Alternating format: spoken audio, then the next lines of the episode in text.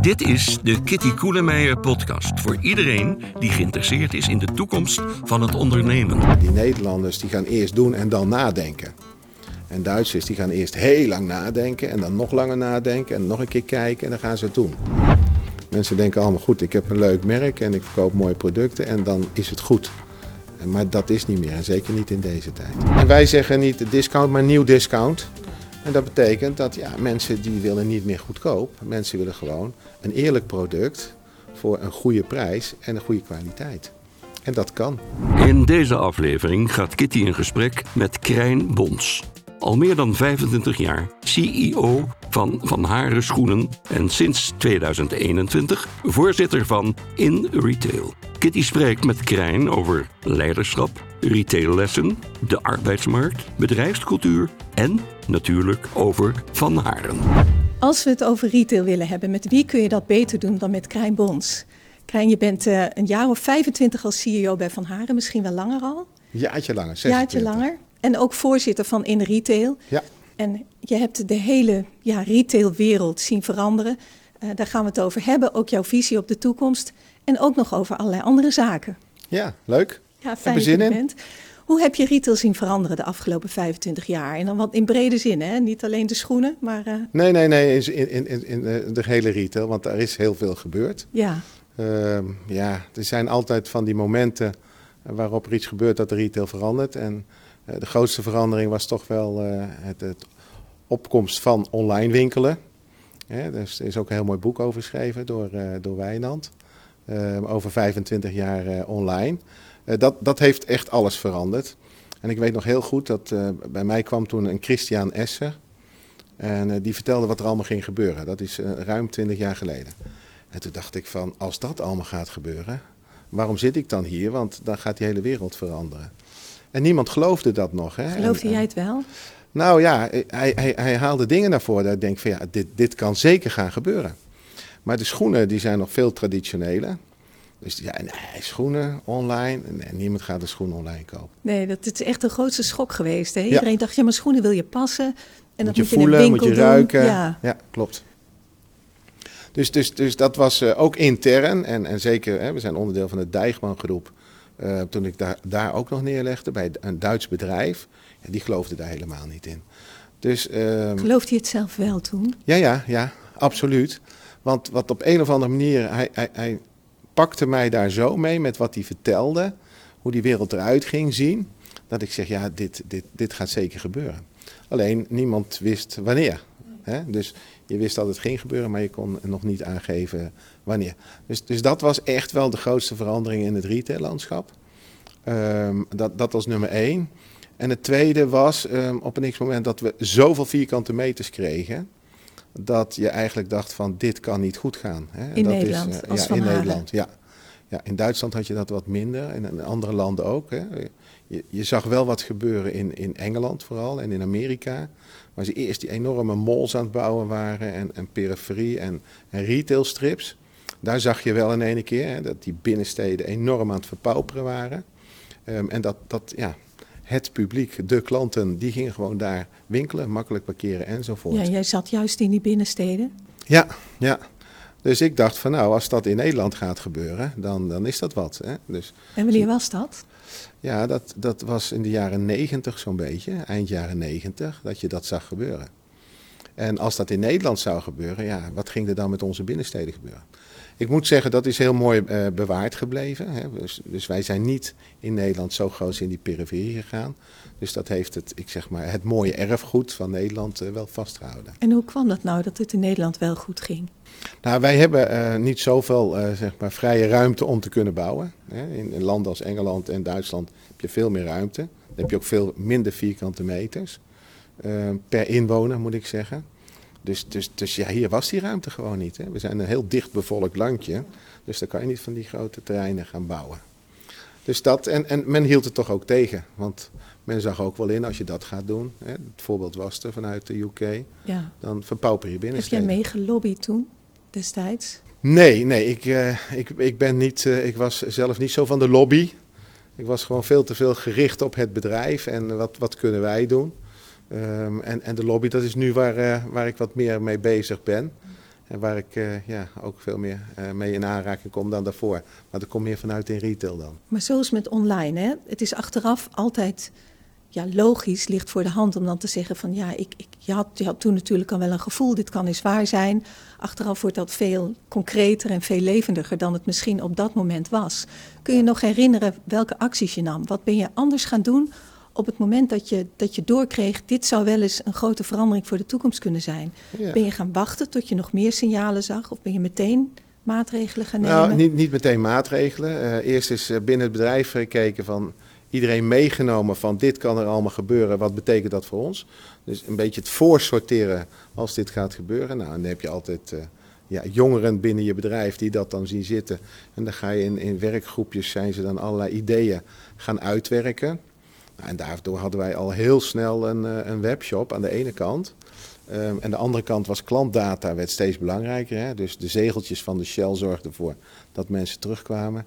En wij hadden al onze eerste digitale klantenkaart, wat we in Noord-Holland dan uh, aan, het, uh, aan het testen waren. En hoeveel tijd zat daartussen? Uh, tussen die twee, ja, dat ging ja. gelijk op zo'n beetje. Je bent gelijk ook die webshop begonnen? Ja, twintig jaar geleden. Dus dat was dan in, oh, moet ik even heel goed terugdenken, 2002. Ja, 2002, ja. ja. Dat is echt, dus echt vroeg. Toen, toen waren we bezig met die klantenkaart in Noord-Holland. En, en een jaartje of vier, vijf later met die, met die webshop, ja. En heb je wel eens gedacht om daar een, een groot uh, platform van te maken? Nou, dat was heel mooi. Uh, nou, niet om zelf te maken, maar Weekampen, die was toen, uh, toen heel erg in. En ik had met Paul toen wel eens over gesproken, dus, dus daar was ik wel voor. Maar ja, een platform en dan bij de Duitse moedermaatschappij, ja, dat was vloeken in de kerk.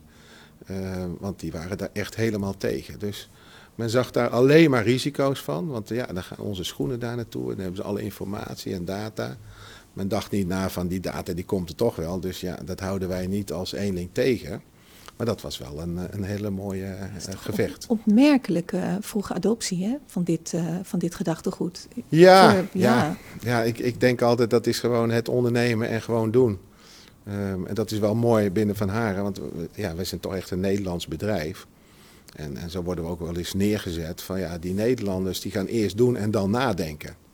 En Duitsers die gaan eerst heel lang nadenken en dan nog langer nadenken en nog een keer kijken en dan gaan ze het doen. Nou, dat, dat is wel altijd een hele leuke dynamiek zo in zo'n bedrijf. Als je dan zit. En, uh, maar ja, soms dan denken ze ook wel van, oh, dit, uh, dit gaat niet goed komen. En dan wordt het uh, afgeremd. Ja, je zegt het is een leuke dynamiek, maar vond je het ook echt leuk? Moest je daar ja, niet ja. enorm aan wennen?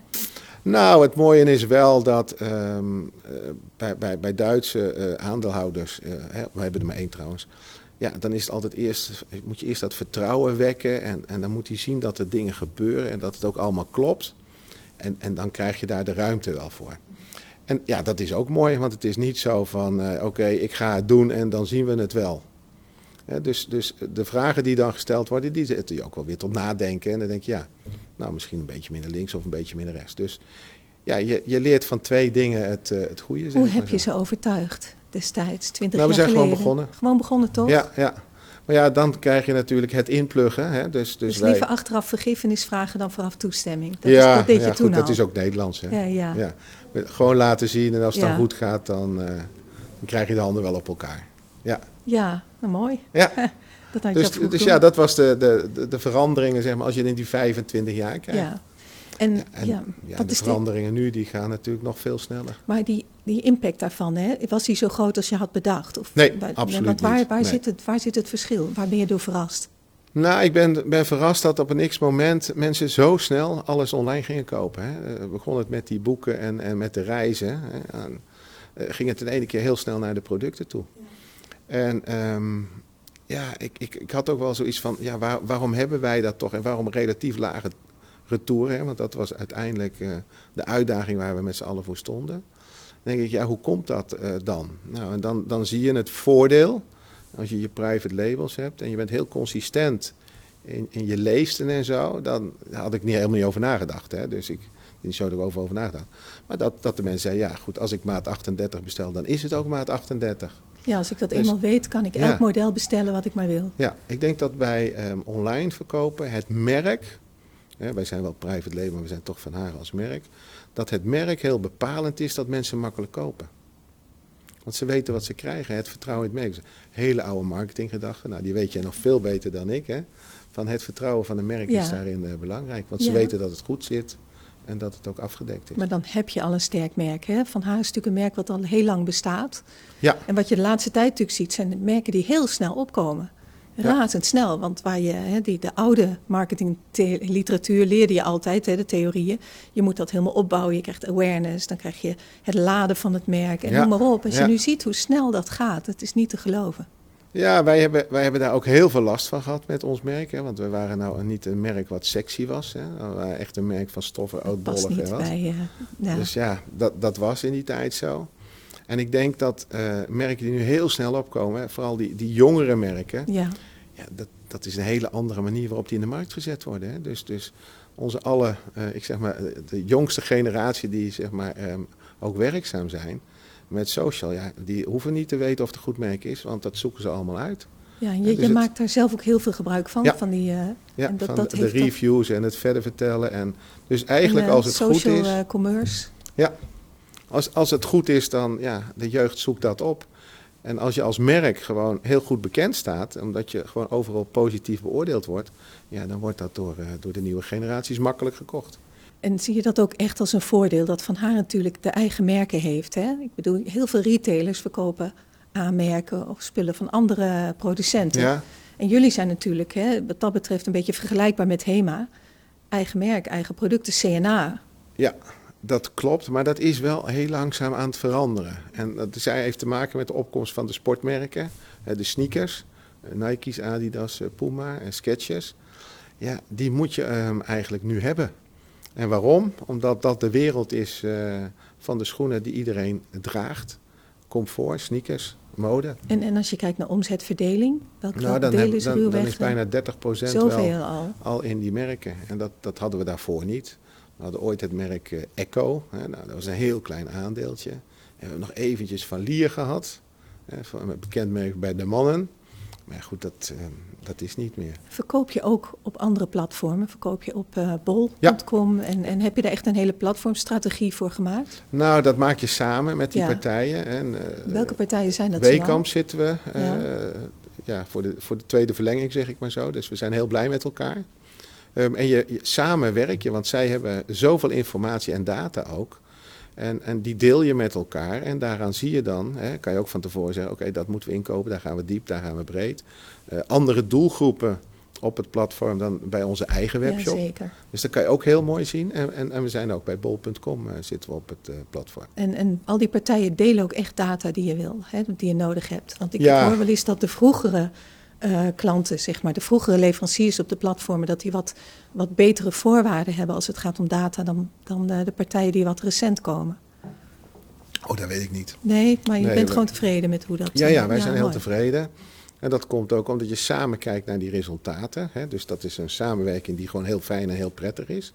En kijkt van hoe kunnen we dan het beste doen. Meest efficiënte, meest effectieve, minste retouren, snelste eruit. Ja, dat is, zijn de belangrijke eh, En indicatoren. wat, wat doe je nou met je merk hè, op die platformen? Want je, natuurlijk in je eigen winkels, in je eigen webshop, kun je heel anders met je merk omgaan, hè, het Van Haren merk, Ja. dan op die, eh, op die grote generieke platforms. Ja, maar zij, zij zetten eh, die merken anders neer. Dus wat je ziet, hè, dat mensen zoeken op een merk. Dus Nike, Adidas, Puma, dan kijken ze en dan staan wij bovenaan. Ja, waarom? Omdat onze prijzen relatief laag zijn. Ehm, dus, dus dat is het voordeel. En wat bij Weekamp, want dat is toch gericht op, ook op mode, daar komen andere klanten, want die kleding, die combineren ze dan weer met die schoenen. En, en dat is heel mooi om te zien. En we hebben ook eh, veel lookalikes, zoals ik dat netjes eh, noem. Hè? Dus die, die lijken heel sterk op eh, bepaalde merken. Ja, en dat, dat werkt ook altijd goed. Ja, Ja, dat zeg je netjes. Dat is eigenlijk de copycat private label strategie. ja ik zeg wel eens, ze hebben ze heel goed van ons nagemaakt, maar ze zijn een stuk duurder. Ja, zo, kun je het ook, eh, zo kun je het ook zien. Als je nou kijkt naar, de, naar jouw carrière in retail, wat, wat zie je nou als je grootste succes en wat zie je als je grootste mislukking, als je het zo mag noemen? Dan kunnen we nog wel een uurtje eraan plakken. hè, met de grootste eh, fouten die, we, die Oh, ik ik dacht gemaakt de successen. Ja. Ja, die zijn er gelukkig ook, want ja, anders zit je geen 25 Waar ben je het meest trots op? En waar ik het meest trots op ben, is dat we ehm, een aantal dingen goed getest hebben.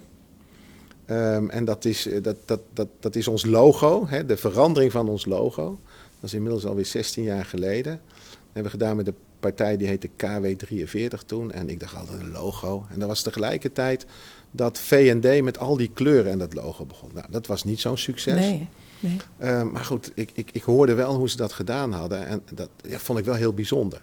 Maar het ging fout. Dus dat was een hele mooie learning voor mij. En toen zijn we met die partij aan de gang gegaan. En daar hebben we ruim een jaar over gedaan. Voordat je dan kiest voor de kleur oranje. De manier hoe je zo'n letter dan schrijft. En je dat doorvoert um, in je bedrijf. En dat logo, gecombineerd met een concept wat, wat, wat, wat helder was, mooi, toegankelijk enzovoort. Ja, ik denk dat dat het mooie grote succes van, uh, van Haren was. Hoe heb je dat, dat zie ik niet als mijn eigen succes, dat, dat doe je gewoon met je, met maar je hoe groep. kom je daaraan en waarom duurde het een jaar? Ja, omdat er heel veel onderzoeken aan te van Consumentenonderzoeken? Ja, ja, dus we hebben heel veel met, met klantenpanels gedaan. Van waarom spreekt dit nou aan? Hè? We waren een beetje wat mannelijk en koud en kil. Hè? Een blauwe letter met, met, met wat oranje. En nu kwamen hier dan, ja, wat was ja, een warmere kleur en, en, en mooi vrouwelijk geschreven. En, nou, en zelfs in de kleur hadden we iets van, van 65 kleuren die we allemaal in kleurgroepen gedaan hadden. En mensen ondervraagd hadden. Nou, en dan laat je dat zien en dan kreeg je overal. Uh, maar het is zeggen en doen, hè? Mensen zeggen, ja. ik vind iets mooi, maar dat betekent niet dat ze dan ook naar jou, bij jou naar binnen lopen.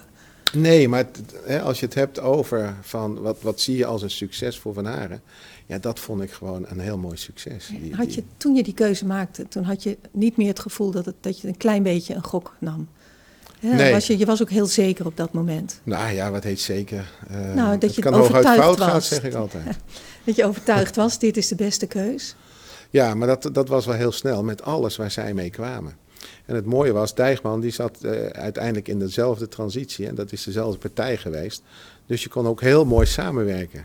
En dat is dan groen met wit en wij zijn oranje met wit. En het is wat anders geschreven. Maar, maar de achterliggende gedachte was hetzelfde. Wat heeft dat logo voor je gedaan? Nou, voor het merk heel ja, veel. Ja, maar hoe Ja. merkte je dat? Ja, omdat mensen graag bij Van Haren kwamen. En als wij het, TNS-onderzoek hadden, of met klantenpanels, dan kwam dat altijd als positief effect naar voren. Is het nou weer tijd om het logo aan te passen? Of, of zeg Maar je, dat er gaat nog wel heb ik 10, 20 zeker jaar niet. mee? Ja, dat weet ik niet. Nee. Dat dacht ik van mezelf ook, maar Ja. dat eh, weet je niet, hè? Nou, dat, nee. Je kunt wel, eh, je kunt daar wel. Als je, als je vindt dat het, dat het aangepast moet worden, dan doe je dat, hè? Ja, maar, dan er moet er zit natuurlijk wel een voor erf, zijn. erfgoed inmiddels in zo'n logo. Ja, ja, Ja. dat doe je niet gauw veranderen. Maar het, het verbaast me wel dat zo'n logo zoveel impact heeft. Dat dat zo belangrijk is voor een, eh een retailketen. Ja, maar we hadden uiteindelijk een duf logo. Het was, Ja. was niet een sprekend logo. Dus het was eigenlijk iets wat niet goed was eh oppeppen. Ja, Ja. gewoon de andere dingen doen. En dan heb je soms geluk en soms heb je En pech. veranderde dan ook iets in de organisatie door dat logo? Gingen de mensen die er Hmm. werken anders naar kijken? Nee, ik denk dat we ook in die tijd ehm, heel veel dingen samen gedaan hadden. Hè? Dus, dus één, ehm, we, we gingen in onze visie meer naar wat mode toe. Hè? Dus niet trendzettend, maar trendvolgend. Dus we kregen wat modische artikelen. Dus, dus weg van de standaardartikelen. We hadden een concept met veel wit erin gedaan. Hè? Dus, dus lekker fris, wat meer ruimte. Want ja, we zijn toch eh, dozen, hè, vol met dozen. En dus we zijn naar wat minder en wat overzichtelijker gegaan. We hebben dat logo ingevoerd. We zijn met een hele andere fotografie aan de gang gegaan. Eh, du- dus we hadden best veel dingen tezamen gedaan. En, en daarmee, en dat is ook heel mooi, eh, zag je ook dat andere mensen graag bij je wilden werken. Dus het is heel bizar dat, het, het, het- dat, dat mensen toch ook naar kijken van, ja, dat vind ik leuk om voor te werken. Nou, en daarnaast, en ik dacht altijd dat dat het meest belangrijke was, maar ik denk dat die twee echt samengaan is van wie ben je als bedrijf en waarom willen mensen nou graag bij jou werken? Dat, da- daar zijn wij wel als bedrijf altijd heel erg mee bezig. Ook eh, recent nog? Ja, ja, al- ja altijd? dat doen we elk altijd. jaar. Ja. En, en hoe doe je dat? Nou, wij, wij hebben ehm, ieder jaar eh, zeg maar, dat we met onze eh, medewerkers aan de gang gaan van... Hey, wat vind je belangrijk in je werk? Wat vind je belangrijk aan je werkgever? En waar vind je het fijn bij ons? Waar vind je het niet fijn bij ons? En dat wordt dan in, in groep ook helemaal uitgekristalliseerd. En dan gaan we kijken ieder jaar van wat kunnen we als bedrijf beter doen. Ehm, en, en, maar dat verandert ook heel sterk. Eh, tien jaar geleden was de eerste keer dat we dat deden eh, in samenwerking met Effectory. Hè, die, die, die was daar toen mee gestart. Dat ging over retail en het ging over, eh, over, over, over auto, eh, automotive en, en nog een paar van die dingen. En daar heb ik heel veel van geleerd. Want dan leerde je uiteindelijk dat je als bedrijfsnaam, hè, als merknaam, ook je, je werkgeverschap daar heel mooi in kan bouwen. En dat wordt nog wel eens onderschat. Mensen denken allemaal goed, ik heb een leuk merk en ik verkoop mooie producten en dan is het goed. Maar dat is niet meer en zeker niet in deze tijd. Je zegt, ik ben eigenlijk heel trots op dat logo, hè? maar je bent denk ik ook trots op die webshop die je in zo'n vroeg stadium ja, uh, hebt nou ja, geopend. Goed, dat is gewoon... Nog meer dingen dat je zegt, van dat, dat is toch ook wel heel bepalend geweest voor het succes van Van Haren nu? Ja, wat ik, wat ik uh, als het grootste succes is, maar dat is wat uh, ja, door, door dokter Dijgman, de grondlegger van Dijgman, bij ons ook ingegeven is, is de manier waarop hij naar mensen kijkt. Hè? En het, het, klinkt altijd een beetje, um, ja, hoe moet ik dat zeggen, uh, christelijk, maar zo is het wel. Het, het, dienen van mensen was altijd wat bij hem um, als rode draad door het bedrijf heen liep. En hij vond het allerbelangrijkste de mensen die er werkten, werkgelegenheid en, en, en, en, en ook dat die mensen zorgden voor blije klanten. En die klanten, dat vond hij weer belangrijk, hè, dat is de basis van ons bedrijf, dat wij hele goede schoenen hebben tegen lage prijzen. En dat heeft te maken dat hij zegt, mensen die weinig te besteden hebben, moeten bij ons mooie schoenen kunnen kopen. En dat loopt als draad door het bedrijf. En ik denk dat ik daar, als je het hebt over trots of, of succes als het bedrijf, dat mensen die bij ons werken dat weten. Die voelen dat, die ademen dat en, en dat krijg je ook op alle manieren terug. Is dat ook een beetje de, de, discounter gedachte, hè? Laagste prijzen, wij zijn topkwaliteit. Ja, hoor, wij zijn je ziet discount. jezelf ook echt als discounter. Ja, alleen uh, discount heeft altijd een wat negatieve uh, perceptie bij mensen. Want dan is het goedkoop en niet goed.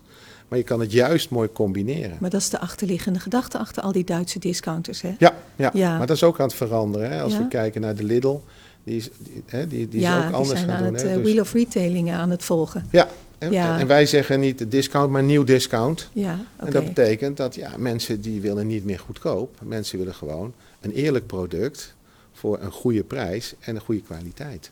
En dat kan. En als we nou naar de andere kant kijken, hè, wat is nou iets waarvan je zegt dat dat had ik echt anders moeten doen? eh, dat, oh, dat, zijn eh, ook heel veel dingen. Ehm, het, hetgene wat me nog steeds een beetje achtervolgt is een pand wat we gekocht hebben in Rijswijk. En we hebben naast we hoofdkantoor? schoenen- Nee, nee, nee. Oh, nee een, een, winkelpand. Een pand, een winkelpand. Want ja, waar wij zelf in zitten, en dat, dat is al van oud zo, hè, eh, dat, dat proberen we dan te kopen. Dat eh, ja, geeft altijd wat ruimte en veiligheid. Dus we hebben naast schoenen hebben we ook wat, wat vastgoed. Nou, en dat pand kochten we, daar geloofde ik helemaal in. Nou ja, dat is, eh, Rijswijk ligt helemaal eh, op zijn gat. Dus ja, dat, eh, dat heb ik toen zeker niet goed gedaan.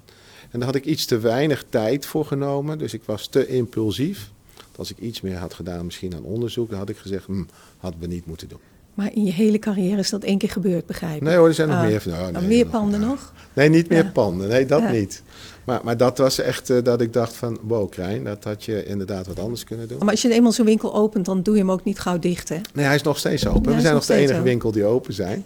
Want het hele, hele centrum wordt eh, gerenoveerd. Dus ik, ik nu, hè, maar goed, dat wist ik toen ook niet. Als je nu kijkt naar de toekomst, denk je, ja, dat gaat wel weer goed komen. Maar ja, daar gaat wel dan eh 15 jaar overheen. En het tweede was ehm, het momentum dat we als Van Haren ehm, ja, gingen, gingen reorganiseren. Dat, dat was eh, begin 2000. Toen hadden we kleine winkels, nou, 100, 150 meter. En eh, daar hebben we toen een concept van gemaakt. En dat heette Shoes. Maar dan met S-H-O-O-S-Z. Nou, was hartstikke leuk. Dat was een beetje een tegenhanger van ja, modewinkels. Eh, maar goed, daar was de organisatie helemaal niet klaar voor. Dus dat eh, liep op alle, eh, op alle kanten liep dat eh, niet wat, goed. Wat, wat kon die organisatie niet, wat daarvoor nodig was? Nou ja, daar waren de mensen, we waren net aan het reorganiseren. Dus, dus de inkoop en, en, en inrichting en het anders denken in hoe zet je zoiets in de markt enzovoort. Dus we waren met twee dingen tegelijk bezig. En waarom was je aan het reorganiseren toen? Nou, wij waren in zeg maar 97, 98 waren we een bedrijf wat niet zo florisant voor stond. Eigenlijk zoiets van, heeft Van Haren nog een toekomst? En wat we toen gedaan hebben, ja, het klinkt heel simpel. Hè? Het zijn de, de eerste drie bladzijden van, eh, van algemene economie, zeg ik maar. Je moet je omzet omhoog eh, doen. Je moet je marge verbeteren en je kosten naar beneden. Nou, dus dat was eigenlijk heel simpel. Dus dat hebben we toen gedaan. We hebben toen vijf, 50 winkels van de 150 eh, gesloten. We hebben de, de, organisatie anders neergezet. We bouwden zelf, we timmerden winkels. We hadden een schildersbedrijf erin. We, we waren zelf aan het programmeren, dus we waren alles zelf aan het doen.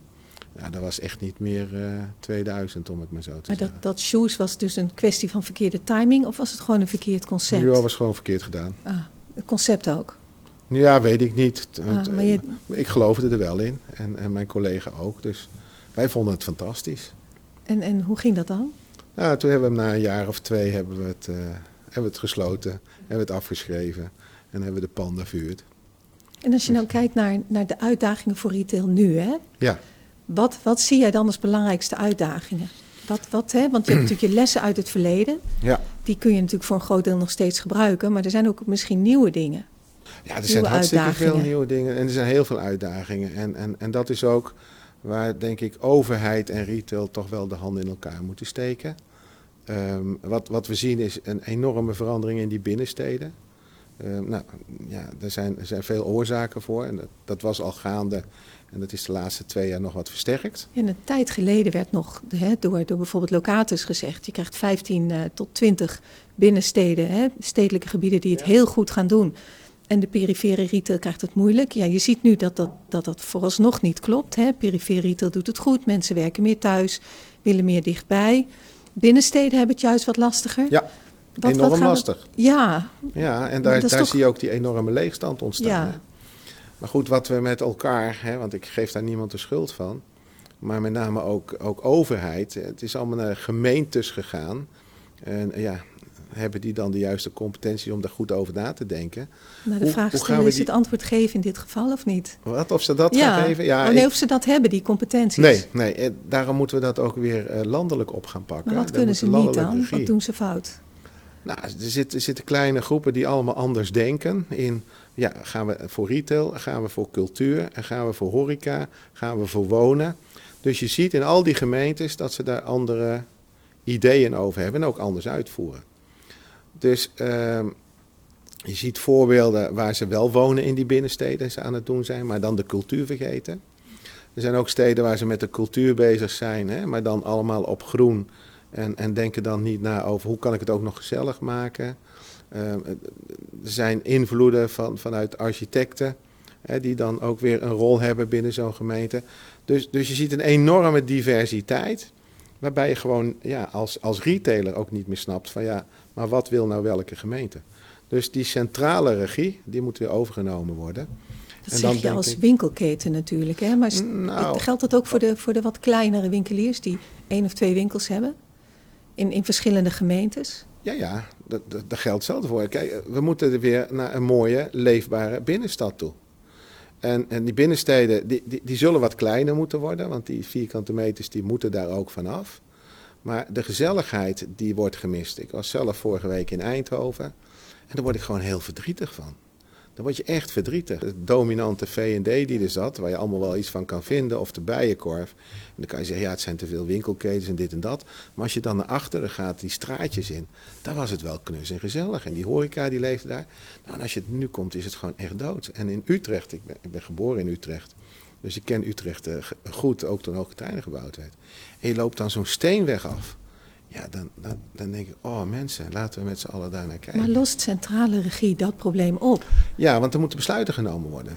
We moeten het niet allemaal op die lange termijn laten. Ja, ik denk het wel. Ja, want die, je zou denken, gemeenten zitten er dichterop. Die kunnen juist besluitvaardiger zijn en die kunnen een oplossing maken die past bij die specifieke binnenstad. Ja, maar je hebt ook landelijke regels waar ze toch aan te houden hebben. Hè? Binnen bestemmingsplannen. En vooral het wonen. Want we willen allemaal uh, wonen. Er moeten, hoeven maar een miljoen woningen te komen. Maar het zijn er best wel veel dan. En die binnenstenen die lenen zich daarvoor. En er zijn hele grote partijen die dat best willen doen. En dat maakt een stad weer leefbaar. Maar dan zit je met, ja, hoe, hoe ga je dan zorgen dat uh, het ook allemaal groen gebouwd wordt? Dan loop je weer tegen monumenten aan en dan mag dat weer niet. En dus, dus je bent best gebonden aan heel veel regels. Maar hoe zie je die centrale regie voor je? Hè? Wat, wat hmm. moet de overheid dan doen? Ja, we hebben zoveel ministers, dus eentje erbij uh, denk ik dat dat geen, uh, geen probleem moet zijn. Maar, maak een minister verantwoordelijk voor retailen. Maar dan heb het toch de over retail, niet over cultuur en horeca, recreatie. Ja, maar dat gaat samen. Ja, dus Dat dan in samen. brede zin, zeg Ja. maar. Want dan kan onze andere minister die voor wonen verantwoordelijk is, en die gaan dan om de tafel zitten. En dan kunnen ze van daaruit die regie bepalen. Maar dat was toch altijd de staatssecretaris Economische Zaken die daar verantwoordelijk voor was? Ja, maar die had ook nog heel veel andere dingen in de portefeuille. Ja, dus welke minister zou dat nu moeten doen in deze ploeg? Ja, deze weet ik het niet. De Economische Zaken misschien? Eh, Ja, ik moet zeggen dat eh, zij daar wel voor open staat. Maar goed, eh, dan nog, zijn er weer gemeentes die anders daarnaar kijken. En eh, de, de- ja, onze, onze minister heeft niet de regie over al die gemeentes. Nee, jij wil, jij wil dat de minister de regie terugkrijgt Ja. op die, op Ja, die Die dossiers. centrale rol. Ja, en, en wat, stel die minister heeft de regie, wat moet er dan gebeuren? Wat moet ze dan Nou, gaan dan doen? moeten we echt kijken naar hoe gaan we de cultuur weer mooi keurig netjes neerzetten. Hoe gaan we nog meer wonen doen? Hoe gaan we met groen aan de gang? En hoe gaan we zorgen dat er een diversiteit is in het retaillandschap en in de horeca? En die gemeentes zitten daar natuurlijk ook mee, hè? want het is helemaal niet makkelijk om, om zulke plannen te maken, om zulke besluiten te nemen. Ja. Helpt het als er een, eh, ja, vanuit de centrale overheid een visie komt of een, een, een plan? En, en verleidt dat, die, dat de gemeentes misschien om. eh, Ja, dat weet ik niet. Ik zit niet zo in de politiek dat ik dat allemaal precies weet. Ehm, en ik vind dat ook, ook lastig. Ik denk gewoon van, maak een plan. En, en, en kijk dat het gewoon uitvoerbaar is. En pas de regels aan die ooit eens bedacht zijn waarom je dingen niet kan uitvoeren. en toch lukt het niet. Hè? We hebben natuurlijk een retailagenda. We hebben allerlei, allerlei initiatieven op het gebied van retail. En Ja. zeg je nou met zoveel woorden dat de impact daarvan te klein is, te gering? Nou, ik denk dat er gewoon zo'n diversiteit is. Eh, Als je een aantal gemeentes alleen al neemt, dat die zo anders over de dingen denken, ja, dan krijg je nooit iets van de grond. Dat is net als in een bedrijf. Als iedereen anders denkt en alle kanten op wil gaan, en je pakt niet datgene van dit willen we graag, want dit is het beste voor de BV Nederland, want ik heb het over Nederland, niet alleen over de retail. Ja, dan gebeurt het gewoon niet. En dan ben je voorzitter van brancheorganisatie in de retail, hè? Ja. Waar, waar heel veel non-food eh, winkels, eh, vooral Ja, fashion ook, eigenlijk alle non-food winkels bij verenigd zijn. Hoe, hoe ga je dan te werk? Want je zegt dit denk ik ook als voorzitter van in retail, hè? dat idee van de centrale overheid die, die regie neemt. Hoe ben je bezig om dit voor elkaar te krijgen? Nou, dit, dit is een rol die ehm, eh, met name de directie binnen in retail eh, op zich neemt. Die is daar ook heel goed in. Die, die heeft daar ook heel vaak aan de achterkant aan gewerkt, eh, in gelobbyd. Die, die kent dat hele veld binnen die politiek ook. Dus daar ligt het. Ehm, dat is een van de belangrijkste pijlers eh, die zeg maar, in onze strategie van, van in retail staan. Dus die, die, die waarden die we hebben voor het publiek. Dus de pu- publieke waarde noemen we dat en de klantwaarde. Ja, en daar, eh, daar lobbyen we heel erg en da- daar geven we ook heel veel input ehm, aan, aan onze overheid, zodat ze, zodat ze dat inzien. En dat zijn niet alleen wij. VNO-NCW die doet exact hetzelfde. De Raad Nederlandse Detailhandel, waar ook eh, Food zit en een groot winkelbedrijf heel veel zit. Dus, dus we zitten wel allemaal op dezelfde manier in die wedstrijd als je naar eh, retail kijkt. Nou, en daar moet iets mee gebeuren. Dus dat is de belangrijkste pijler die in retail nu heeft. Want we zijn voor de leden en we zijn van de leden.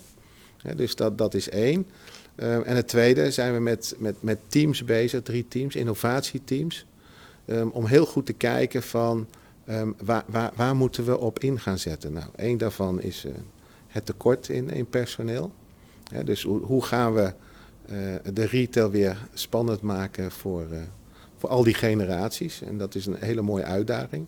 Maar als je dat leuk vindt, zou ik daar best wel wat over willen vertellen. Zo. Nee, zeker. Het het tweede is van, hoe ga je nou samenwerken? Nou, en retailers vinden het heel lastig samenwerken. Ja, vooral horizontaal. Hè? Poeh, ja, Ja, en name. dat al- moet wel gebeuren. Maar dat zijn ook de thema's die al vele, vele jaren spelen. Hè? Ja, klopt. Alle drie. Ja. En, en, en dat vind ik wel het mooie wat, wat zo'n directie nu binnen in retail aan het doen is. Eh, gewoon echt buiten het, het ouderwetse denken kijken. Met, met totaal andere mensen. Van hoe kunnen we dat nou doorbreken? Want het moet gewoon doorbroken worden. Voor we verder gaan met eh, de samenwerking en de, de aandacht voor de mensen. Heb je iets van een nulscenario in je hoofd? Stel dat die overheid niet meebeweegt, want ook dat is al vele jaren aan de gang. Ja, Wat gebeurt er met de binnensteden, met de retail, als die centrale regie er niet komt ja, ik, over een paar jaar? ja, eigenlijk wil ik daar niet over nadenken. Want dan denk ik van, dat kan niet. Hè? Dat, dat kunnen we met z'n allen niet accepteren. Dat mogen we niet accepteren. En daar geloof ik niet in. Zeker niet als ik kijk wie er allemaal mee bezig zijn. Hè? Die, dus die schil die om die overheid zit en de relevantie daarvan. Dan geloof ik daar niet in dat ze dat niet doen. Ehm, twee, we moeten. Dus ik, ik, ik denk niet dat het een vraag is van ehm, ja of nee. Volgens mij eh, is die keuze niet. En ja, die nuloptie die zie ik niet, want dan, ja, daar ben ik misschien te optimistisch voor. Weet ja, ik dat, niet. dat hoor ik. Maar zie je dan al, al een beweging de goede richting op? Want dat is dan. Nou, ik, ik, ik, ik heb het voordeel dat ik. ehm, hè, er zit ook een, een, een groep mensen, de VCOC in, in Utrecht, die houden zich daar heel mee bezig.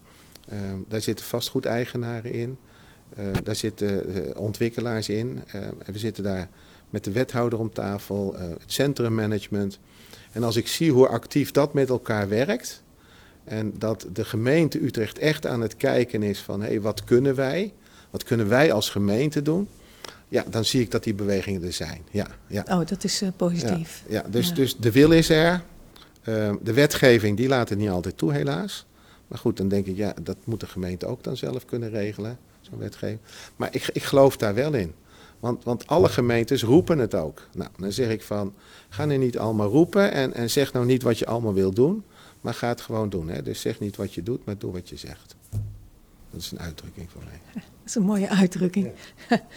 en die andere twee thema's, hè, samenwerking en ja, War for Talent, War for People misschien zelfs. Ja, ja, zo wordt het vaak genoemd. En dan denk ik, ja, ehm, ga gewoon kijken wat de mensen hè, in deze tijd verwachten van een werkgever.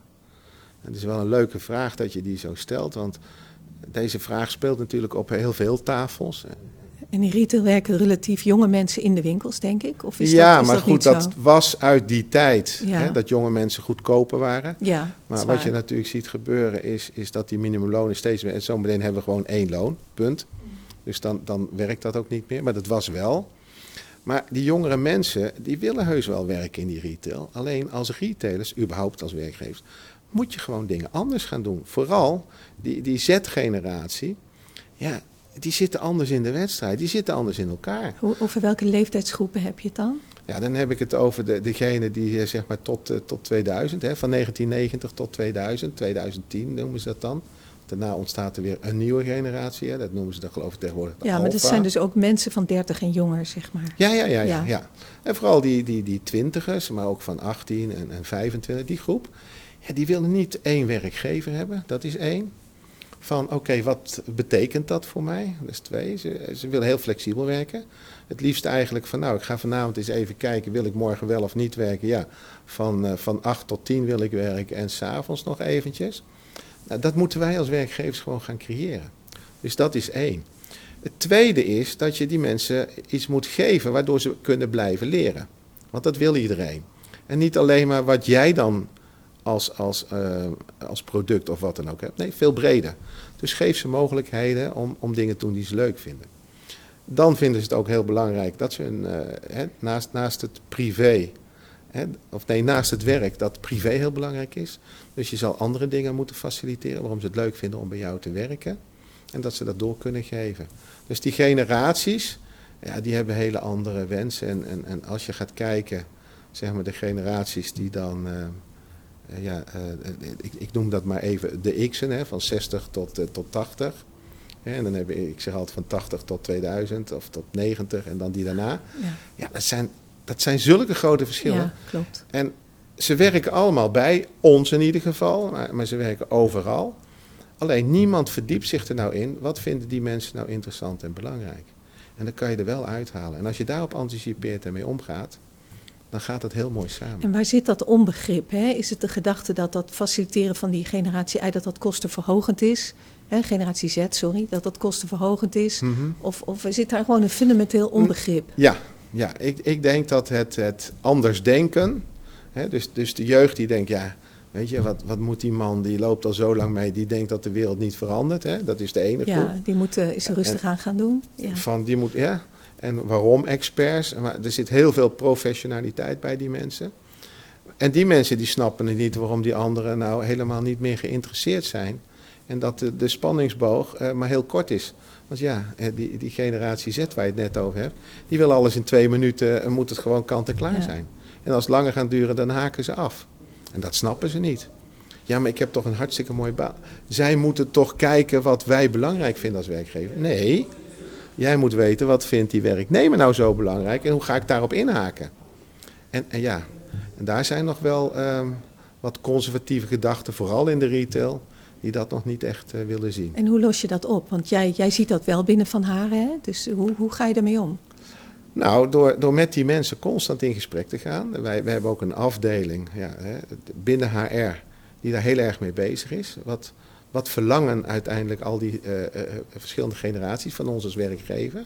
Ja, en daar moet je ook op inhaken. En het is ook, dus ook binnen je managementteam. De gedachte van oudere werknemers is, is denk ik, die komen uit een hele andere tijd, een hele andere economische tijd. Is het toch wat meer, wees blij dat je een goede baan hebt, hè? die generatie. Ja. En doe zoveel mogelijk om je werkgever ja, ter wille te zijn, ten dienste te zijn. Ja. Terwijl die jongere generatie in een hele andere arbeidsmarkt zit. En zoiets van, je mag blij zijn dat ik bij jou wil werken. Ja. En dat, uh, is dat stabiel? Blijft dat zo, denk je? Hè? Ja, of dat zo blijft, weet ik niet. Ik bedoel, er komt nu weer een, een, een andere generatie ja. aan. Ja, die zit weer heel anders in de ja. wedstrijd. Is het, is het gewoon een algemeen generatieprobleem? Hè? Frictie tussen generaties of zit hier nog een extra dimensie aan? Mm, ik weet niet of het echt frictie is. Het is meer het, het, het willen begrijpen en snappen waarom mensen anders zijn. Maar ja, dat heb je niet alleen in generaties. Nee. Dat heb je natuurlijk ook in onze multiculturele ja. samenleving. Hè? En, en als je je inleeft in, in culturen dan snap je veel beter waarom. Dat, hè, wij hebben ook uh, van, ja, uit alle culturen hebben we werken. En, en als je naar die mensen luistert en je laat ze vertellen, dan is dat ook heel mooi. En dan is het niet alleen onze cultuur.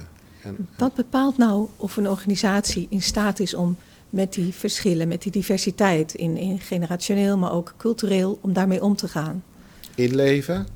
Dus dat is voor mij de allerbelangrijkste. Mm. Leef je eens in wie er dan Hè, allemaal zijn in Nederland en waarom die dan bij jou willen werken. Maar goed, we hebben altijd in bedrijf te maken met vooroordelen. Nou, haal die nou eens weg. Hè. Stap nou eens over je eigen vooroordelen heen. En probeer mensen nou eens te begrijpen. En ja, dat moet ik zeggen, dat heb ik wel van Dijgman, hè, dokter Dijgman, geleerd. Als ik met hem onderweg was, die was altijd zo geïnteresseerd. Hè, als mensen uit, hè, uit, uit, uit, een andere uh, cultuur bij ons werkten, dan wilde hij er alles van weten. En waar kom je dan vandaan? Oh, dat is die regio. En hoe kijk je Hij wist ook alles van, van op, op, op elk gebied van politiek en, en, en, en van, van, van ja, culturen. Daar wist hij heel veel van. Nou, dat vond ik mooi. En die man die begreep ook elke cultuur. En, en als je dat dan doorvertaalt naar bedrijfscultuur? Ja. Wat voor bedrijfscultuur heeft Dijgman, dan wel Van Haren? Nou, wij, ik, ik kan het beste over Haren praten, omdat ja. dat het, het, het geloof is wat ik nog steeds heb. En dat is een cultuur waar je een, vorm van openheid hebt, met respect. Hè, en om, een, een, een, cultuur waar plezier heel belangrijk is. Want ik bedoel, ja, hoe hou je mensen uh, uh, zo aangesloten dat ze elke dag weer plezier hebben? Nou, daar moet je heel erg uh, mee werken. Um, nou, en, en het samenwerken, dat is, dat is een hele belangrijke, maar ook de aller, allerlastigste. Maar heb je ook gedeelde waarden die je dan opschrijft, die je communiceert aan nieuwe, ja, nieuwe mensen? Dat deze, ja, die, ja, die, die, formuliseer je ook echt. Die schrijf je op. die staan en, er ook. En daar, daar kijk je ook goed naar. Ja, die, die vind je ook in het bedrijf. En waar komen die vandaan? Die komen van Dijgman of die zijn in de loop der jaren ontwikkeld? Nee, dat, dat, dat is um, ontstaan, uh, de bedrijfswaarde. Maar ik vind altijd, schrijf ze niet op. Maar vertel dan wat het woord betekent. Want ja, samenwerken is heel makkelijk. Ja. Ja. En als je dan twintig mensen vraagt, dan hebben ze alle twintig een ander ja. antwoord. Maar omschrijf nou wat je eronder verstaat. En ga daarover in gesprek. Van dit vind ik geen uh, samenwerken. Ja, je zegt wel openheid, maar waarom zit die deur dan altijd dicht? Ja. ja. maar ik heb hem ook vaak openstaan. Ja, maar dan zit je er echt zo van, kom hier niet binnen alsjeblieft, want ik heb hm. geen tijd. En als je dat gesprek aangaat, dan gaat het leven. Maar dat heeft zeven, acht jaar gekost. Hè? Hm. Dat is niet zo van, ik schrijf ze op de muur en ik communiceer ze en iedereen snapt het dan. Want het is gewoon iets van uh, een verandering van, van, ja, van mensen die anders denken en doen. Veel organisaties die met jonge werknemers te maken hebben, die ja. spreken wel eens van een start-up cultuur. Ja. Hoe kijk je daar tegenaan? Ja, dat vind ik een geweldige cultuur, want het zijn gewoon mensen die beginnen ergens aan. Um, nou maar goed. Hm? Je gebruikt zelf die term niet, hè? Nee, het is een, het is een term die uit de Z-cultuur komt, hè? De Z-generatie. En ik ben er van daarvoor, hè? Ik ben van de X nog. Dankjewel, maar ik denk, dat je, ze wel goed, uh, ik denk dat je ze wel goed begrijpt, uh, die Z-generatie. Ja, ja, ja. Maar is het nou een woord, een woord wat je gewoon gebruikt om ze aan te spreken? Of zeg je van nou, die start-up cultuur, dat, dat betekent ook echt iets? Nou ja, het zijn gewoon mensen die, die zoeken naar hun eigen vrijheid. Uh, hun eigen projecten, hun eigen, eigen initiatieven. Projecten, gewoon. Want ze willen niet meer in dat keurslijf werken. Dus als je in een bedrijf niet zo kan werken en je moet alles doen in, in, in die hokjes en weet ik het wat, dat willen de nieuwe generatie niet. Hè. Dat zien we hier ook. Een fantastische, mooie, open cultuur waar iedereen zijn ding doet en wel, wel aangesproken wordt op de verantwoordelijkheden die, die die persoon heeft. Maar ze kunnen wel hun eigen projectjes doen. En die start-up cultuur, en dat is zo leuk, maar volgens mij, jij, jij doet ook uh, heel veel uh, daarmee ondersteunen. Ja, die mensen die willen gewoon. Ja. En, en ik, ik, ik, ik word, ik word uh, erin meegetrokken. Ik, ik help ook heel veel mensen. En dat bedoel ik met helpen, dat ik vertel hoe ik naar dingen kijk en waarom en hoe en wat. Maar niet zeggen, zo moet je het doen. Want ik weet Nee. het ook niet. Nee. En daar krijg je zoveel energie van en zoveel ideeën. En die neem ik allemaal weer mee. Dus ik gebruik heel veel van die mensen. Wat ze dan doen en, en, en hoe ze hun, hun vergezicht zien, gebruik ik zelf ehm, in, in het bedrijf van Haren. Dus in Van Haren heb je ook projecten die hè, nieuwe, nieuwe initiatieven, Ja. ideeën voor formats, nieuwe businessmodellen, wat die je allemaal uitprobeert. Retailvisie en ja. Nou, en sommige stranden. En dat is altijd het meest lastig, hè, als je ergens in gelooft. Om dan na, drie maanden te zeggen, het gaat niet werken, trek de stekker eruit. Ja. Maar ja, dat, dat is Ja, wel dat is iets wat relevant is. Ja, maar dat Ja. moet je wel doen. Ja, want ik hoor ook van grote corporates hè, dat ze dat een groot probleem vinden. Je tuigt een team op, er gaat geld heen. En dan, eh, dan moet je toch op een gegeven moment zeggen, dit is het niet. Ja. En eh, dat, is, dat is lastig. Ja, en als je voor jezelf zegt, ik zet tien dingen op en vier moeten er slagen. Nou, dan is het toch goed. En nu geef eens een voorbeeld van zo'n eh start-up project, wat Nou, succesvol is geworden. Ja, dat was niet succesvol. Eh, Dat Oh. was eh, 109. Dat was ook een concept. Nou, daar hebben mensen aan gewerkt, hebben we uitgerold. En nou ja, en echt heel veel tijd en energie ingestoken. Wat was dat voor winkel in? Den Bosch. Ah, waar we één merk hadden. En allemaal dezelfde dozen. En nou, hm, hè, allemaal dingetjes, snuisterijtjes erbij en weet ik het dan wat. Nou, was geen succes. Dat is heel vervelend, kost geld en dan, dan trek je de stekker eruit. Het andere eh, wat, wat wij nu wel heel erg in geloven, was van wij zullen van eh, de manier van discount denken naar een andere manier van discount denken. Wij noemen dat dan nieuw discount. En dat noemen wij onze nieuwe retailvisie. Hè, wat we nu aan het uitrollen zijn, dat heeft te maken met hoe, eh, hoe marketing zeg maar, aan de gang gaat. Met, met, met kleurpallets, met stijlgroepen en, en noem het allemaal maar op. Maar ook dan de mensen in de winkels dat, dat begrijpen. En daardoor denken van ja, wij zijn niet meer de ouderwetse discount. We gaan wat dat betreft een andere richting in. en daar ben je nu mee bezig, hè, Ja. denk ik ook. Ja, daar is het team Ja. nu eh, volop mee Maar bezig. even over die samenwerking. Hè? Ja. Want je hebt het over samenwerking tussen mensen, maar ook samenwerking tussen retailers. Hè? Om daarmee even te beginnen. Dat, nou, dat speelt al zo verschrikkelijk Ja. lang. En het Ja. is zo moeilijk om dat voor elkaar te krijgen. Hoe komt dat nou? Ja.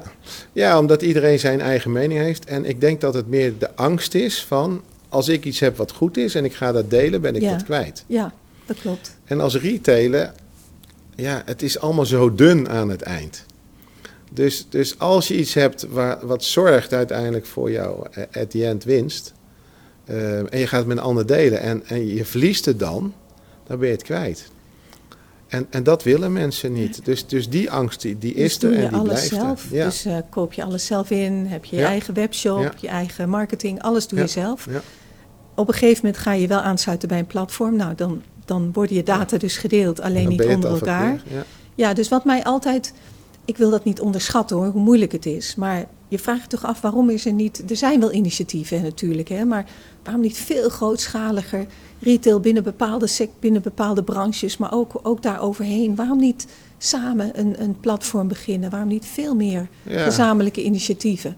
Nou ja, als ik, eh, ik- als ik even naar de groepsgrootte ga, dan hebben we nu dan een platform samen met Adidas. Dus, dus Nou, dat is wel heel mooi. Dat is een retailer brand. Ja, Adidas Ja. misschien ook een retailer, maar Ja, is vooral een Maar goed, maar, maar dat, is, dat is heel lastig. Want, want iedereen is altijd bang van dat de ander meer heeft of meer overhoudt of weet ik veel. En dan komt toch weer ons, eh, ons denken van eh, me, myself en I. En dat hebben we natuurlijk nu ook. Dat mensen dat niet doen. En aan de andere kant zie je steeds meer ook initiatieven, heel kleinschalig, die Ja. wel successen Ja. zijn. ja. En, en, en die dat dan ook naar buiten dragen. Maar ja, het is en het blijft spannend. En, en zeker bij MKB's, maar ook bij grote Ja, winkelbedrijven. maar ik weet een, bijvoorbeeld bol.com, die, die maken daar echt een punt van. Dat ze zeggen, nou, klein bedrijven, MKB, kom naar ons. Ja. Kom naar ons platform en wij gaan ver met je om. Wij bieden geen eh, eigen private label producten aan. En, en dat, eh, Ja, Ja. dat is in potentieel natuurlijk een hele mooie, hele mooie kans.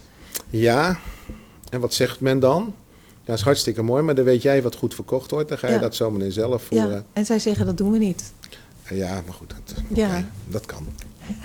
Heeft met geloofwaardigheid te maken ook, hè? Ja, Nou ja, en Daniel, Ro- ervaring. Daniel Robers heeft ooit gezegd, toen hij nog, eh, nog eh, CEO was van bol.com, laat mij nou die infrastructuur worden. Laat nou al die winkels inpluggen. Maar dat is natuurlijk, als je ook naar de eigendom kijkt, natuurlijk wat lastiger om zo'n claim te maken. Maar het idee van een, een infrastructuurplatform waar je dan als MKB op kan, op kan inpluggen, dat, dat zou je met elkaar ook moeten Zo, kunnen ja, organiseren, toch? En dat is wel mooi, dat zit ook in dat innovatieteam, hè, toen we daarover begonnen eh, binnen in retail. Over die samenwerking horizontaal. Ja, En, en je ziet wel dat daar steeds meer voor opengestaan wordt. Maar ja, je hebt met zoveel ondernemers binnen zo'n eh, Ja. vereniging te maken. Hè? Ja. Eh, met het aantal leden die je hebt. En de een heeft wat meer winkels, maar de ander heeft ook maar één winkel. Maar, maar dat gaat men wel steeds meer zien. En ehm, dat, dat is ook waarop de vereniging nu bezig is. Hè? Als we het hebben over die, eh, die klantwaarde. Hè? We hebben publieke waarde, klantwaarde en de economische waarde. Dat ze dan zeggen van, ja, wat zijn nou de successen binnen bedrijven en hoe gaan we die nou delen in plaats van het voor jezelf houden. Dus de koplopers noemen we dat dan. Hè? Die gaan dan vertellen waarom ze koploper zijn geworden. Een beetje zoals je dat bij de Olympische Spelen ook eh, ziet gebeuren. Dus, dus daar zijn we nu ehm, eh, ja, heel, heel hard mee bezig. En eh, Udo en Jan eh, van in Retail, die, die geloven daar 100% in. En die hebben ook echt mooie teams staan. En het is ook wel leuk om dat misschien filmpjes is te zien bij- binnen in Retail. zeker. want zeker. We gaan links daaronder plaatsen. Van, Kijk. hè, die plaatsen we onder de, onder de YouTube-aflevering. En dan Ja. kan iedereen kijken. Ja, dat is echt hartstikke leuk. Als je dat dan ziet, dan word je blij van en daar word je heel enthousiast van. Dat is mooi. En dat is ook wat ik bij Retail zo leuk vind. Dat ja, ik ben bestuurder, maar eigenlijk in mijn hart ben ik veel meer ondernemer. Mhm. En, en, en binnen in de retail heb je die ondernemers en het is gewoon zo leuk. Zo leuk om mee samen te werken en die mensen die daar zitten. Het is weer heel anders dan wat ik eh, gewend was. En, en als, vanuit jouw ervaring, hè, wat, is jouw, wat is jouw visie op het in beweging krijgen van mensen? Hè? Natuurlijk binnen bijvoorbeeld Van Haren, maar ook binnen de sector. Hoe, hoe, Ja. krijg, je, hoe krijg je mensen in beweging? Want ik, ik zie dat je dat leuk vindt en Ja. dat je dat ook graag doet. Maar hoe doe je dat? Kun je misschien Nou, wat... wat eh, Ik, ik, ik denk dat het altijd te maken heeft met vertrouwen en respect. Dus geef die mensen respect. Maakt niet uit wie, want daar zit iets achter. Daar zit een passie achter, er zit een belief, een geloof achter. En, en, en, en dat willen ze ook. Nou, en haal dat niet weg bij die mensen.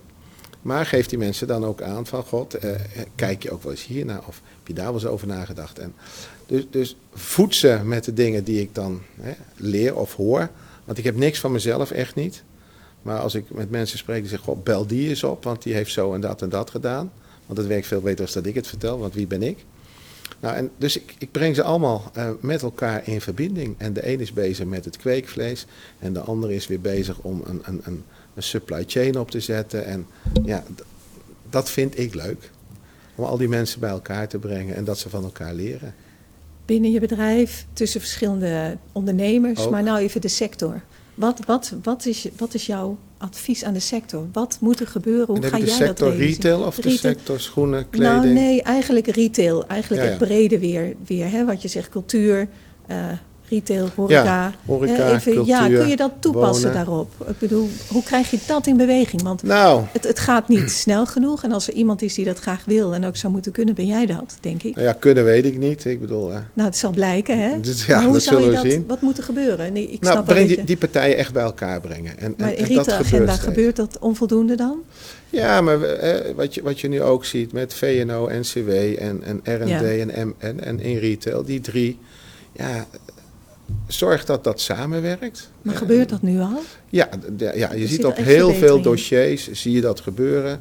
En eh, vooral de laatste tijd, eh, als het gaat over eh, de regelingen die er zijn, hoe kan je dan samen optrekken om die mensen te overtuigen? Neem die mensen mee, vooral vanuit de overheid. Want mensen die bij de overheid werken, wij gaan ervan uit dat die alles weten, omdat je zoveel hoort. Maar, maar vertel het. Maar dan ook vanuit jezelf. Hè? Niet, niet denk ik ga het vertellen, want dan word ik er beter van. Nee, gewoon vertellen, omdat je vindt dat het belangrijk is dat die persoon het weet.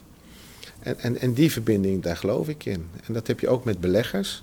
Hè, of het nou institutionele beleggers zijn, of het zijn eh, mensen die, die, die, die zeg maar met die transities bezig zijn van kantoorgebouw naar wonen of omgekeerd. Of, maakt allemaal niet uit.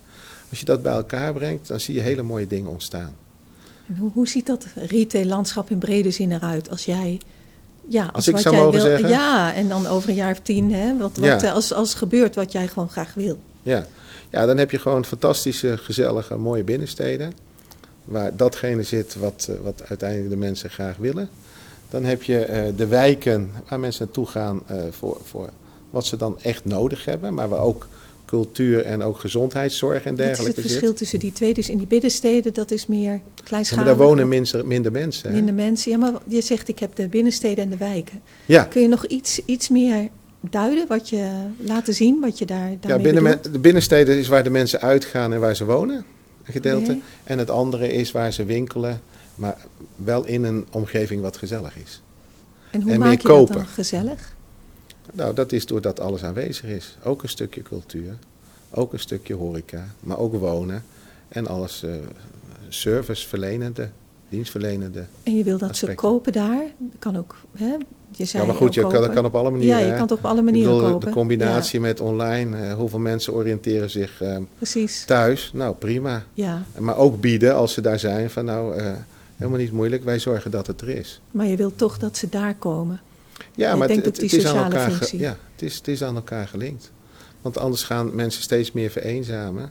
Want alleen maar achter de computer zitten, en ja, dat zie ik bij mijn eigen kinderen. Hm.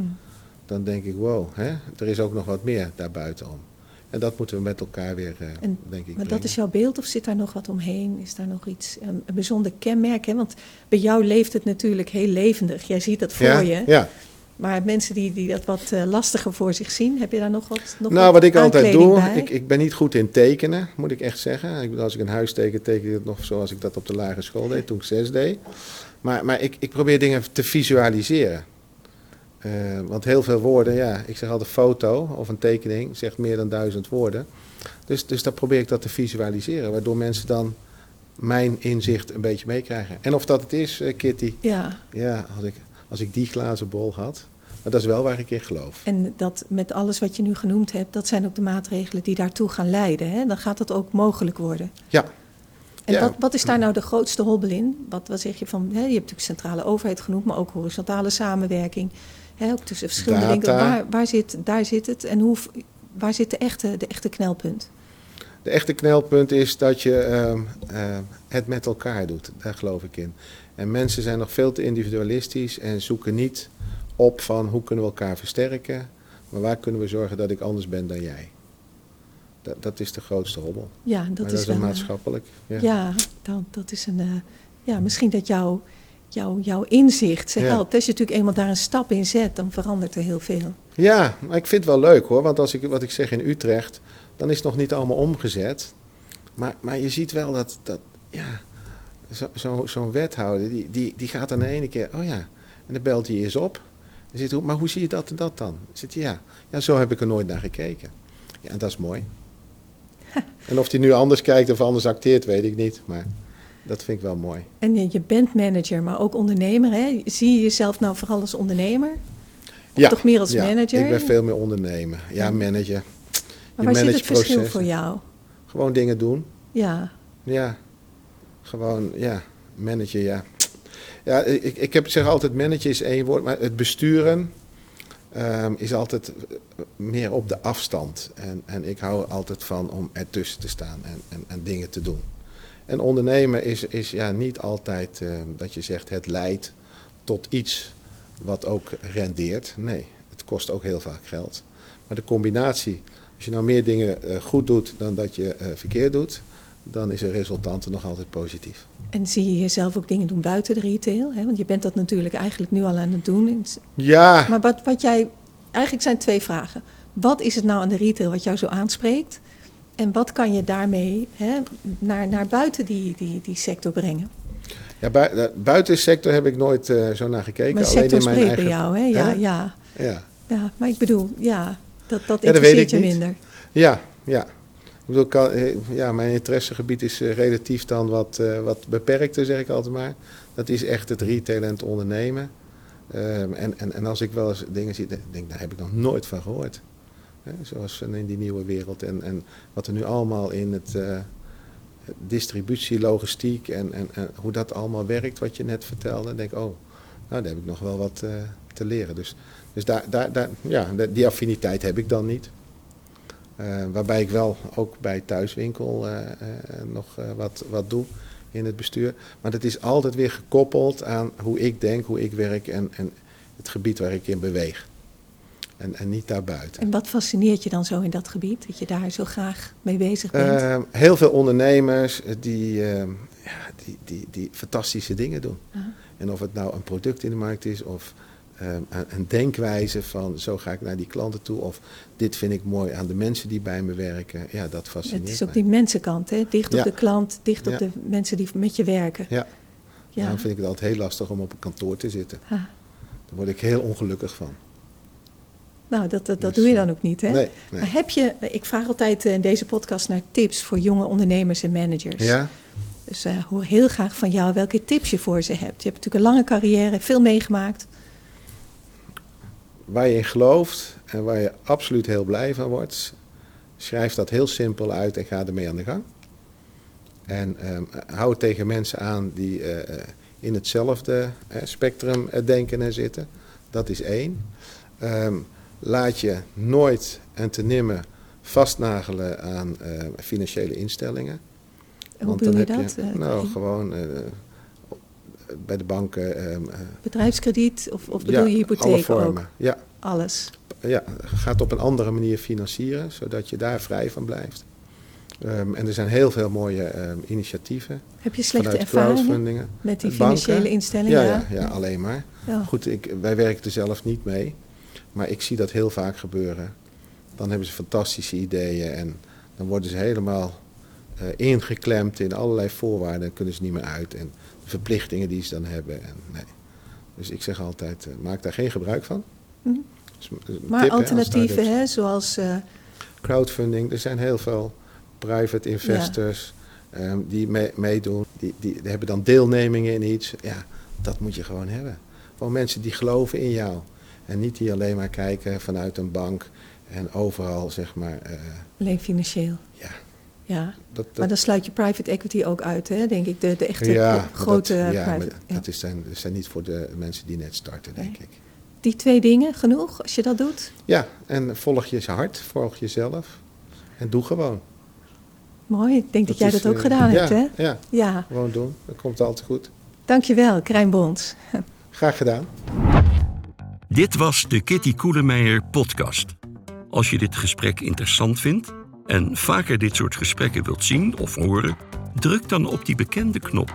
Want dan weet je één ding zeker: de podcast van Kitty wordt vervolgd.